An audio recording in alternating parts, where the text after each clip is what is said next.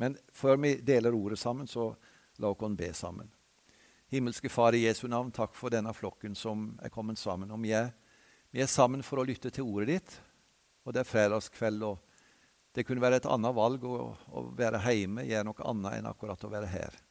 Men nå er vi sammen, Jesus, og vi tror at det skal bli en kveld der du gir oss noe av ditt ord. Vi trenger det, Jesus. Vi trenger det til, til hjelp på veien, til oppmuntring, til formaning, til trøst. Du ser hva hver enkelt trenger. Nå vil jeg be deg, Jesus, om ditt nærvær gjennom Den hellige ånd. Det er vi helt avhengig av Jesus. Og så jeg, jeg takker deg, Jesus, for at du aldri har latt deg hindre av vår svakhet. For din kraft, den fullendes i vår svakhet.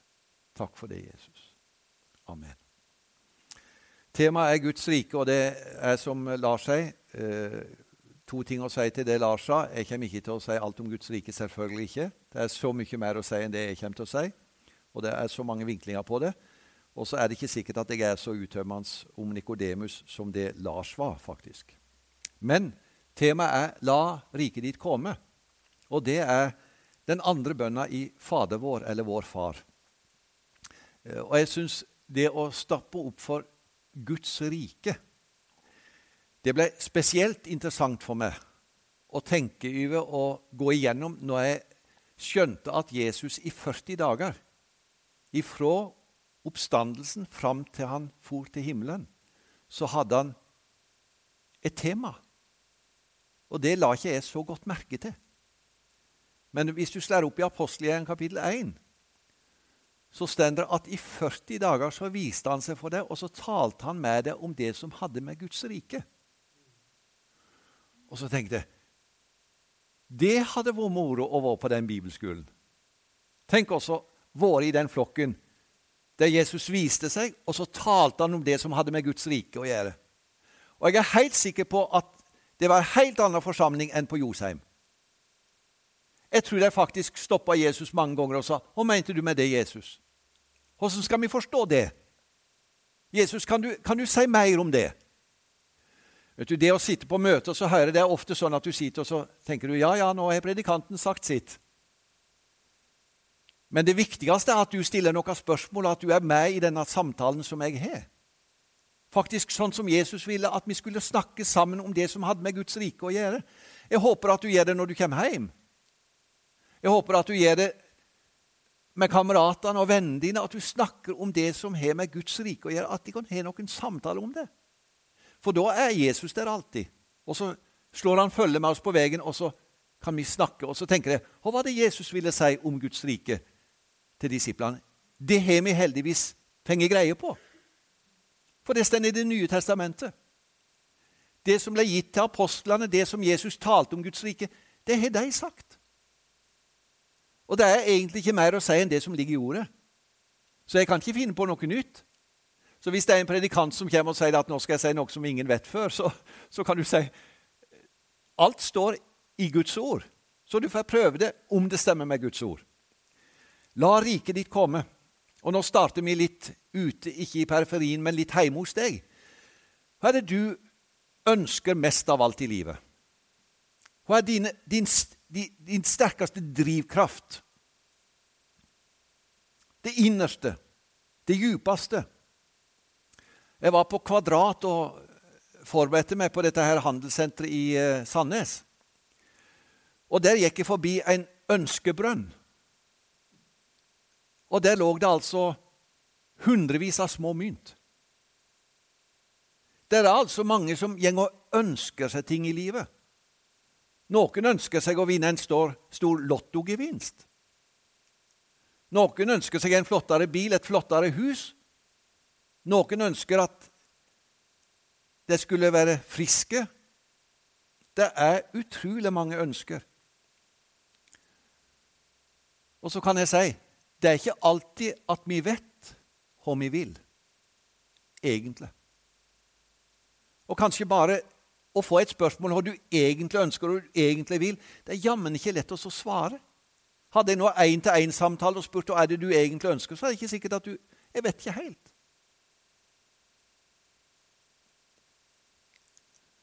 Men det jeg vet, det er at Jesus vil stille inn dine ønsker og dine forventninger i en retning som handler om Guds rike. Han vil stille både retningen og forventningen som gjør til at det handler om Guds rike, og at vi nesten samstemmer med det han vil. La riket ditt komme, ber vi. Og vi fortsetter når vi ber den bønna, men la viljen din skje. Så det som, det som er å be 'la riket ditt komme', handler egentlig om at jeg må ha den samme retningen og ville det Gud vil. Det er det det handler om. Og En omvendelse kan, den kan skje ofte i livet, selv hos den som har bekjent Jesu navnet. En omvendelse kan bety rett og slett at du snur retningen din. Og jeg tenker at kanskje det kan skje i kveld. Kanskje Guds ånd taler sånn til deg at du sier 'Å, jeg må visst begynne å be noen nye bønner.' 'Jeg må ha noen nye ønsker.' Jeg må, jeg må få en ny vilje. Det må skje noe hos meg. La riket ditt komme, la det lande, sånn at det merkes i livet mitt. Og Nå skal jeg ta det med i, i tre punkt om Guds rike. Det er en ny bønn. Det former en ny bønn når Jesus lærte å kunne be 'La riket ditt komme'. Det, det, det, det, former en ny bønn, et nytt ønske. Det handler om en ny forståelse. At jeg ser ting på en ny måte som jeg ikke så før. Nikodemus er et eksempel. Og så handler det om at det skaper en ny forventning når jeg skjønner hva Guds rike handler om. Og Da skal jeg ta første punktet en ny bønn. For det er dine og mine bønner som viser veldig klart hva vi egentlig ønsker oss. Derfor må vi vite hva vi egentlig ber om. La riket ditt komme. Hva, er, hva slags bønn er det? Når Guds rike lander, når Guds rike kommer til Karmøy, til Josheim, og handler det om Når vi ber 'La riket ditt lande her', jo, det handler om at folk skal finne heim til far. Guds rike handler om den åpne faderfavn.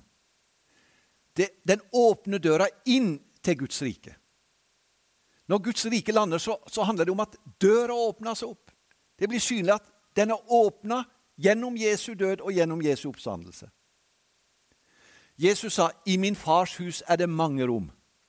Og For mange mange år siden så satt jeg og hørte på denne her vesle professoren Carl Fredrik Wisløff. Gunnar Hamnøy og jeg hadde møte oppe i Namsos. Og På søndags formiddag så gikk vi på møte og så hørte vi på professor Hallesby. Han skulle ha teksten fra Johannes 14, 1-6. Eh, og Det handler bl.a. om 'I min fars hus er det mange rom'. Og Så tenkte jeg nå får du en professortale. Men det var ingen professortale. Det var et vitnesbyrd om Jesus som gjorde at jeg tenkte 'Å, så fint'. Så I talen så sier han bl.a.: I min fars hus er det mange rom. Hva, hva betyr så det, da? Det må bety at det er plass til alle. Og så så fint sagt. La riket ditt komme. La det merkes imellom oss at det er ei åpen dør inn i Guds faderfavn gjennom Jesus Kristus. Og I en av de gode, gamle sangene så synger vi 'Er det ei hans åpne sår', himmeldører vide, der vi daglig adgang får med all sorg og hvile. La riket ditt komme slik at døra blir slått opp på vid vegg. Og det var det Jesus kom med. Guds faderfavn, Guds hjerte, er åpent. La det merkes. La riket ditt komme slik at folk finner skatten, finner rikdommen. Jeg syns det er fint å lese de lignelsene som Jesus forteller om Guds rike, om, om himmelriket. Og Hvis du har en teologi som skiller mellom himmelriket og Guds rike, så kan jeg utfordre det litt på og si at jeg tror det er synonyme begrep. Fordi at Matteusevangeliet skriver til jøder, så han bruker himmelriket som betegnelse. Og Der sier Jesus i, den, i det kapitlet i Det nye testamentet som har flest lignelser, kapittel 13 og ifra vers 44 Himmelriket er likt en en skatt som var gjemt i en åker. En mann fant den, dekka den til igjen, og i sin glede gikk han bort og solgte alt han eide, og kjøpte åkeren. Himmelriket er også likt en kjøpmann som lette etter fine perler. Da han fant en særlig verdifull perle, gikk han bort og solgte alt han eide, og kjøpte den. Guds rike er skatten. Det er perla. Når et menneske oppdager det, så tenker det alt annet bleikner. Alt annet forsvinner av verdi. Jeg er villig til å selge alt, bare om jeg kan finne og få den store skatten. Og Det er nettopp det det handler om når Guds rike lander hos oss. Så vil folk oppdage det er det som er skatten. Det er rikdommen. Det er perla. Det er det som er verdt å satse på. Det skjer jo i vekkelsestida når mennesker blir kristne. Plutselig så ser de den skatten som de syntes var bare en åker. Jeg så på ei forsamling, jeg hørte på en predikant, jeg hørte noen sanger, og så tenkte det er bare svart jord. Det er jo helt alminnelig. Og så ser jeg plutselig her er jo skatten. Her er Jesus med alt det han har. Når jeg har funnet den perla, bleikner alt annet. Det er nå Guds rike land hos oss. Og Det ble en ny bønn. La Guds rike lande, sånn at folk ser perla, ser skatten. La Guds rike lande slik at folk finner håp. Vi lever i ganske ekstremt urolige tider. Og de som er fylt med på FN og Zelenskyj og Biden og Putin og Xi Jinping og alle disse herre Og så tenker vi åssen skal det egentlig gå? Det er så mye som er urolig. Og jeg tror det preger folkelivet og folkesinnet. Og så tenker jeg la Guds rike lande, sånn at folk skjønner det er ett rike du kan bli en borger av, som er et urokkelig rike. Det er et rike som aldri skal forstyrres av krig eller ufred eller Og i Hebrevbrevet kapittel 12 og vers 28 så står det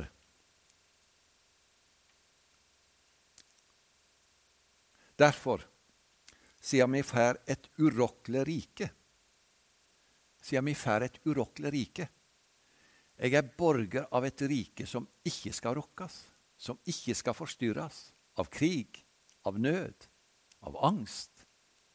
Ingenting skal endre. Det riket skal stå fast, og det er mitt håp. Så når jeg, når jeg ber en bønn om la riket ditt komme, så handler det om at folk må finne hjem. Folk må finne skatten, og folk må finne håp. Og det, det gleder meg å kunne si, at det er den bønna vi ber. Og er det ikke den bønna du ber for Josheim, det er den bønna du ber for dette fellesskapet. At det er sånn det må være. Og så er det for mange bare svart jord. Hvordan skal du få syn for Guds rike? Hvordan skal du få øynene åpna så du ser det? Bibelen er krystallklar på at det er ingen som er naturlige forutsetninger for å se Guds rike. Og det kan jeg si, det fortviler meg av og til. For jeg snakker med folk som ikke tror, som ikke kjenner Jesus. Og så prøver jeg så godt jeg kan å forklare. Prøver å få det til å forstå. Prøver, prøver å få det til å kjenne. Og så skal det få det. Og så, og så er det akkurat som Nei, jeg skjønner det ikke. Og så tenker jeg det er jo akkurat det som står i Bibelen, at et menneske som er av naturen, ikke kan ta imot det som er Guds rike. I Korint så var Paulus og prekte, og så sier han at han ville ikke vite noe annet iblant deg enn Jesus Kristus og han korsfesta. Og så sier han bl.a. i beskrivelsen av det naturlige mennesket slik mennesker er i seg sjøl. Det er i, i 1. Korinterbrev kapittel 2, vers 14. Slik mennesker er i seg sjøl. Tek deg ikke imot det som hører Guds ånd til. Det kan ikke ta imot det som hører Guds rike til. Og så står det Det er dårskap for deg og de kan ikke fatte det. For det kan bare bedømmes på åndelig vis. De kan ikke fatte det. De kan ikke forstå det. Og Da er det noen som tenker hvordan skal du definere Guds rike? Når ingen kan forstå det, ingen kan fatte det naturlig, ingen kan se det med øynene sine. Guds rike det er ikke et bedehus. Det er ikke Guds rike. Guds rike er heller ikke en katedral. Guds rike er heller ikke prester og predikanter og pastorer og sangkrefter. Det er ikke Guds rike. Guds rike er ikke et synlig byggverk. Det er krystallklart sagt av Jesus. Hvis du slår opp beskrivelsen som Jesus har av Guds rike når han får spørsmålet rett til seg i Lukas 17, så får Jesus et spørsmål. Og Det er interessant. En gang spurte fariserene, kanskje Nikodemus var blant dem. Når skal Guds rike komme? spurte de. Han svarte, Guds rike kommer ikke på en slik måte at, at de kan se det med øynene. Ingen vil kunne si, se her er det, eller der er det. For Guds rike er midt iblant dere. Eller det er kanskje noen som husker en gammel oversettelse av det verset i, eh, i 1930-oversettelsen, tror jeg det sto 'Guds rike er innen i eder'. Det, det, det, det, er, det er inni oss. Det er altså ikke noe som Det er et åndelig, usynlig rike. Og Hvis jeg skal gi en beskrivelse på hva er Guds rike Guds rike er der Jesus har sitt herredømme, sitt kongedømme, og hans vilje blir levd ut. Det er hans rike. Hans herredømme, hans kongemakt. Det er Guds rike. Og Jeg skal si noe på slutten, og jeg skal si det nå, så jeg skal gjenta det til slutt. Og det er, det, det er, det er et lite sånn det, det, er smertefullt, men det går an å være i et bedehus og ei kirke og faktisk ikke drive på med det som handler om Guds rike. For spørsmålet er om er Jesus herre. Er det hans vilje? Er det hans domene? Er det hans område som virker her? Guds rike er Guds virksomhetsområde der han er konge, der han virker. Det er ikke geografisk, det er ikke synlig, men det får noen merkbare utslag der Guds rike er. Og da kan vi si det er jo denne forsamlingen. Du er et merkbart utslag av Guds rike. For Guds rike er kommet til deg sånn at du har fått syn for det. Men Guds rike er inni deg. Guds rike er det virke av Guds ånd i livet ditt som gjør til at du kan si 'Jesus er Herre'. Og Paulus han sier til korinterne så sier han, ingen kan si 'Jesus er Herre' uten i Den hellige ånd. Det betyr ikke at du ikke verbalt kan si det, men det betyr at hvis Jesus er Herre, og du bekjenner det, og han har kongemakt, der er Guds rike. Men det er dramatisk hvis du har en menighet der Guds rike ikke får virke med hans herredømme. Da er det bare en menneskelig setting. Da er det bare et menneskelig uttrykk for sosialt fellesskap. Og da gir Jesus Nikodemus sjokkbehandlingen. Da trenger jeg dra hele historien om Nikodemus. Denne her lange dusken han kom med på kappa si. Han var en fariseer, antagelig blå kappe. Alle visste når de så han at han er fariseer. Og Derfor kom han om natta. Og Han sa ingen kan gjøre de ting du gjør, uten at Gud er med han. Og Så svarer Jesus med en sjokkbehandling. Nikodemus, du er lærd. Du er klok. Du er vis. Du er en Israels lærer. Og så vet du ikke det. Uten at du blir født på ny, så kan du ikke se Guds rike. Og Dette kan være problematisk, og jeg vet ikke hva slags forhold du har til det. I Amerika så snakker de om born again Christian. Og så snakker de om nominelle kristne. Og jeg har ikke lyst til å dele denne forsamlingen inn i, i forskjellige kristne kategorier. Men jeg vet at spørsmålet i Det nye testamentet det, handler, det er helt synonymt når du spør er du en kristen, og svarer ja på det. Så kan du ikke svare nei på spørsmålet om du er født på ny. Det går ikke an å være kristen, tro på Jesus og ikke være født på ny. Er du født på ny, så er du kristen. Så er du, så er du den personen. Du har sett Guds rike, du har sett Jesus. Du har sett grunnen til at Jesus kom. Han er din frelser. Og da, da har jeg lyst til å si noen leiter i følelseslivet sitt er jeg født på ny. Kjenner jeg at jeg er født på ny? Ja, Bibelen sier at den nye fødsel kjennetegnes så tydelig på at du vil ha et forhold til Jesus, leve sammen med Jesus, og jeg, er, jeg kan gi deg en test nå, jeg, om du hører til Guds rike. Synes du at det er godt å være her? Nå tenker ikke lokal eller predikanten, altså, men det, syns du det er godt å høre om Jesus? Syns du det er godt å høre prekt om han, synge om han? Og da kan jeg si, hvis du kjenner dette er godt, dette er, dette er mitt dette, jeg, jeg har Guds faderfavn, jeg har fått håp, jeg har fått liv. Det er et tegn på at du er født på ny. Du trenger ikke rote så veldig i følelseslivet ditt og tenke som så at jeg skulle ha følt mer, jeg skulle ha kjent det mer, jeg skulle ha hatt en hallelujastemning. Du er født på ny når du er glad i Jesus og jeg hører om Jesus. Da er du født på ny. Guds ord gir resonans hos deg. Gleden over å være en tilgitt synder. Og da kan jeg si det som Bibelen beskriver som en ny fødsel, det er det nye hjertet. Og det, det er et mjukt hjerte som kommer inn. Så den som hører til Guds rike, det som kjennetegner en borger av Guds rike, han har et mjukt hjerte. Han har fått et kjøtthjerte, ikke et steinhjerte, ikke hardt. Men han er mjuk. Så da de møtte han eh, gamle ørkenfar, og så ga det han en anklage om at du er det og det og det, og så sa han det er sant alt det de kan si. Jeg er en løgner. Jeg er en horkar. Det er sant alt. Han bøyde seg i støv og sa, 'Jeg trenger Guds nåde'. Men ikke fortell meg at det sier noe galt om Jesus. En kristen kjennetegnes ved at han innrømmer alle sine synder. Han er ingen forsvar. Han er ingenting å stelle opp med. Og jeg har lyst til å si til deg, hører du til Guds rike, så skal du være glad for det mjuke hjertet, det mjuke sinnet. Du har fått en ærlighet i livet. Du vet, Salige, sier Jesus, de som er fattige ånden, for himmelriket deres. De er ikke fattige på ånd, men fattige i sin ånd.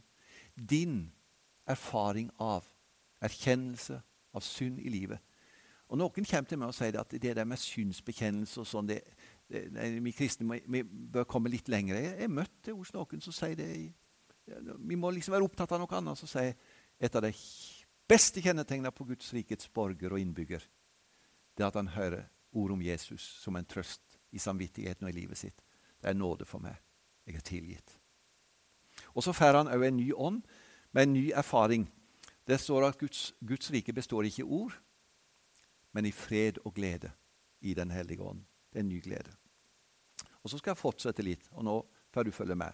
Så at jeg ikke lyst til å bare poengtere at du får et syn for Guds rike, men du får òg en sans for Guds rike.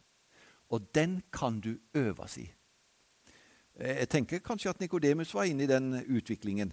Men nå er det å ha sans for Guds rike. Hvis du har syn for Guds rike, så må du òg utvikle mer og mer en sans for Guds rike. En sans for Guds rike.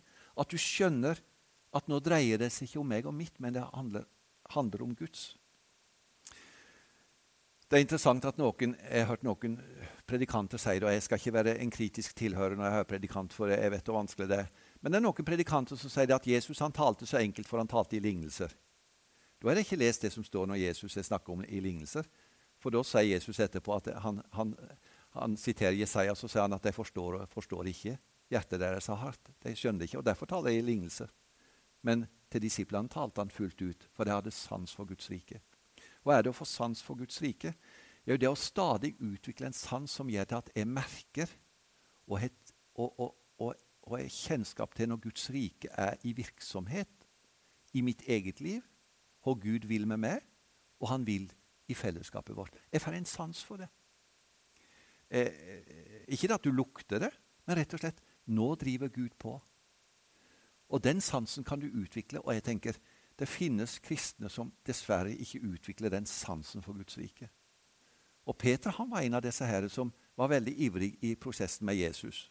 Vandringen med Jesus. Og En dag så tar Jesus han til side og så sier han, du er ikke sans for det som hører Gud til. Du er, ikke sans, du, du skjønner ikke på hvordan Gud driver på. Men det er en åndelig utvikling. Og min bestemor Jeg tror jeg har prekt om hun før her. Bestemor hun var, hun var lærer. Hun likte skolen. Hun hadde vært utdanna fra Volda lærerskole, kom til Kønnefoss og var der hele sitt liv og ble kalt lærerinne og er det fortsatt for som av det eldste. Men bestemor hun siterte et vers for meg. Og nå skal du få det så godt på nynorsk som det kan gå an. For det er på nynorsk det best i 1938-oversettelsen. Og da sier bestemor at det er, en, det er faktisk en, en, skole å gå på når du er kommet inn i Guds rike. Du går på en skole. For du er ikke her bare for å ta imot og så stå på samme plass. Du er her for å ha en åndelig utvikling. Og Nå skal jeg si noe som du kanskje reagerer litt på, men du kan tenke over det.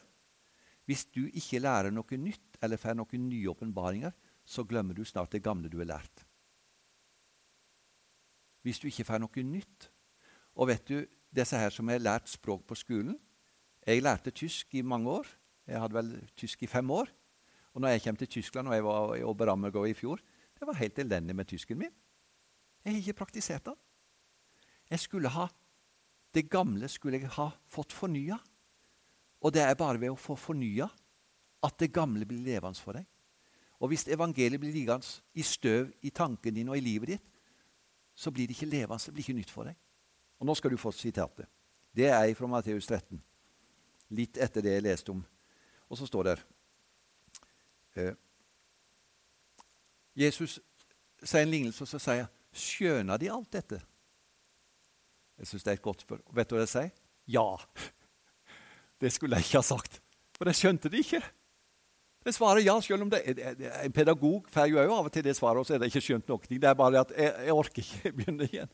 Men det svarte ja, og så sier Jesus. Det er godt, sa han, for en lærer som hev gjenge himmelriksskolen, er lik en husbond som henter fram nytt og gammelt av det han hev gøymt. Den som har gjenge, hør, den som er en lærergjeng i himmelriksskolen gode venner på Josheim. Jeg håper du er i himmelriksskolen. Og jeg vet ikke hva slags klasse du er i, men det betyr at du tar fram gammelt og nytt. Du, du sitter her nå, og så får du noe som du har hørt før. Og så blir det nytt for deg ved at det blir sagt på en annen måte. Og så, og så får du sans for Guds rike. Og så har jeg lyst til å si se med forventning til det Gud kan drive på med mellom oss. Og Da skal jeg avslutte det siste punktet mitt som handler om en ny forventning. Guds rike er nær. Hva er det vi kan drømme om? Hva er det vi kan tenke i dag hvordan Guds rike skal slå igjennom imellom oss? Hvordan kan vi tenke om det? Hva kan vi forvente? Hva er det vi ikke kan forvente? Faktisk handler Guds rike både i dag om det vi kan forvente, og det vi ikke kan forvente. Og det finnes kristne som går på et sidespor med å forvente noe som de ikke kan forvente, og som Gud aldri har lova. Men det er noe som vi kan forvente. Noe som jeg kan knytte håpet mitt til. Tida er inne, sa Jesus. Guds rike er nær. Og så sier han, 'Vend om og tro på evangeliet'. Markus 1, 14 og 15. Det skapte forventning og bevegelse. Guds rike er nær. Det skapte bevegelse og forventning. Hva er det som kan skje? Jo, For det første, det vi kan forvente, det er når evangeliet blir forkynt, at det skjer et under. At Guds godhet blir vist for mennesker sånn at de sier 'Å, det gjelder meg'. Hovedsaken er at Gud vil oss vel. Det er mange i Norge som tror at Gud vil deg vondt. At han vil sette noen grenser og sperrer for livet. Gud vil oss vel. Å forkynne evangeliet og si Gud vil oss godt. Og jeg hører, jeg hører, nå gjennom en bibel eh, på et år på engelsk. Og så sa han som har den bibellesningen, så sier han He likes you. Han liker deg. Og så sa han når det gikk opp for et, et menneske at faktisk er det sånn at Jesus liker deg, så var det akkurat som det var en ny måte å si at han elsker deg på. Men han liker deg. Det skal vi si til folk. Det var derfor Jesus kom. Og Nå skal jeg si noe som ikke gjelder noen her inne. Men det finnes en holdning som har mer eller mindre en forståelse av at de mennesker som går ute, det er søppel som må reddes. Det er liksom ikke noe Vi må bare få dem så de ikke kommer i helvete. Det forkynte ikke Jesus. Han sa at mennesket er så høyt elska, jeg liker deg. Om det var kvinna inne i synagoga eller hun som hadde vært prostituert. Jeg liker deg. Og tenk på den tanken at Gud liker deg. Gud liker deg. Han elsker deg. Det er radikalt for mennesker å tenke at det er sånn. Så forventningen min er at når Guds godhet blir forkynt, så skjer det et under. Så kan vi ha en forventning om Guds nærvær. Guds rike er nær. Hen er Gud. Det er ikke din følelse som avgjør hvem Gud er, men om du forholder deg til der han er. Gud er her. Guds rike er nær. Jesus er her. Det kan jeg ha forventning om. Når jeg går inn i dette rommet, så ser jeg jo disse folka. Jeg ser lydfolk, og jeg ser bildefolk, og jeg ser Lars, og jeg ser Ole, og jeg ser meg sjøl. Og så tenker jeg ja, vi er her. Men det er jo det, det, Og kan vi? Men Gud er her. Det er min forventning. Og det gjør at dette møtet er noe helt utenom det vanlige. Hvis ikke han var her, så var det ingenting å bry seg om. Men fordi at han er her, så betyr det at jeg er ærefrykt. Jeg, kjenner at det er et alvor å stå her. Og jeg tenker at du som sitter, må tenke at det er ikke bare å sitte her, men Gud er her. Og det er så mange som spør er Gud i denne verden. Og Da kan jeg si han er overalt. Men hvis du vil merke hans nærvær, så skal du være der ordet blir forkynt. Der det blir bedt og sunget. Der er han. Og jeg håper at møtet er sånn at folk merker at Jesus er her. Og så kan vi forvente Guds inngripen. Jeg var i, i, i Frikirka, og der fortalte jeg om helbredelse. Og så tenker jeg, Kan vi forvente sånt i dag? Kan vi, kan vi be for syke? Kan vi be for mennesker som er bundet av demoniske krefter? Jesus ga tre, tre oppdrag. I ett oppdrag så sier han forkynn evangeliet, helbred syke og driv ut vonde ånder. Er det sånn at vi skal forkynne evangeliet, og så skal vi ikke tenke på de andre tinga? Jeg kan si det at I hele min tjeneste så har jeg tenkt jeg skal være med og be for syke. Og så kan jeg si dette er konfliktfylt av og til. For jeg er bedt for syke som ikke er blitt helbreda. Og så tenker jeg å, det skulle jeg opplevd. Og så har jeg opplevd sjøl helbredelse. Og akkurat nå så, så, så, så, kjenner jeg i kroppen min at jeg er, jeg er ikke helt i, i toppslag, fordi at jeg har noe psoriasisleddgikt og jeg har et stent inni hjertet. Jeg er, øh, men jeg er blitt helbreda for ting.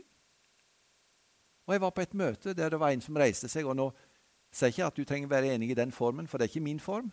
Men det var en som sto fram, og dette var i en luthersk menighet i Amerika. Så sto han fram og så sa han, det er en her inne som har problem i kjaken sin. Og jeg visste det at Før jeg reiste til USA, jeg hadde så vondt i den kjaken at jeg visste ikke å, ligge på den sida.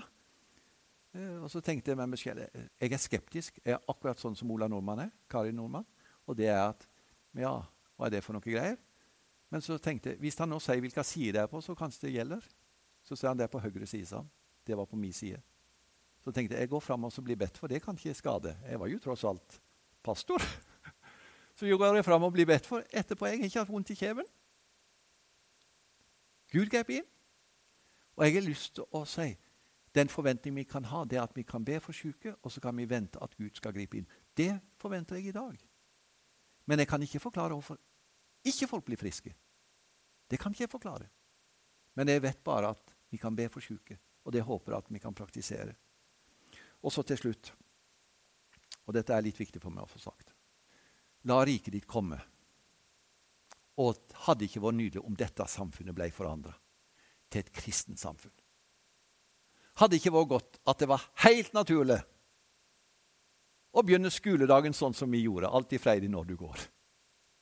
Hadde ikke vært fantastisk igjen å tenke at det var helt naturlig å lese Bibelen på kommunestyremøtet som de gjorde på Vegårshei og i Vennesla. Ikke for mange år siden. Hadde ikke vært fantastisk.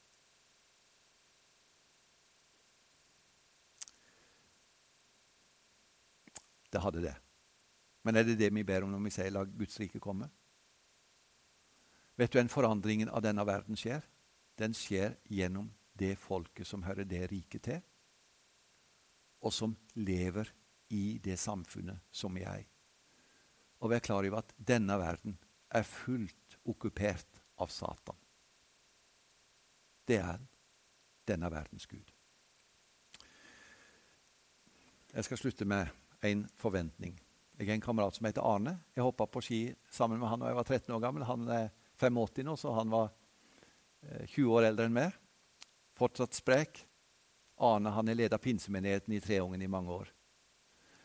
Og en nydelig mann. Og Så kom han hjem til meg på Kønnefoss, og så satte vi ned. Og Så satt Arne der, og så sier han det er noen som sier til meg at vi må legge ned pinsemenigheten i Treungen. Men jeg kan ikke det, Arvid, for jeg venter på vekkelsen. Og Så satt jeg med tårer i øynene og så tenkte Arne, 85 år, og så en forventning om vekkelse. Det er svar på den bønnen. La riket ditt komme. Vi forventer at Gud skal gripe inn igjen. Det kan ikke bare være på Vigeland. Det kan ikke bare være hist og pist. Det må bli land igjen. Det er min forventning. La riket ditt komme. Amen.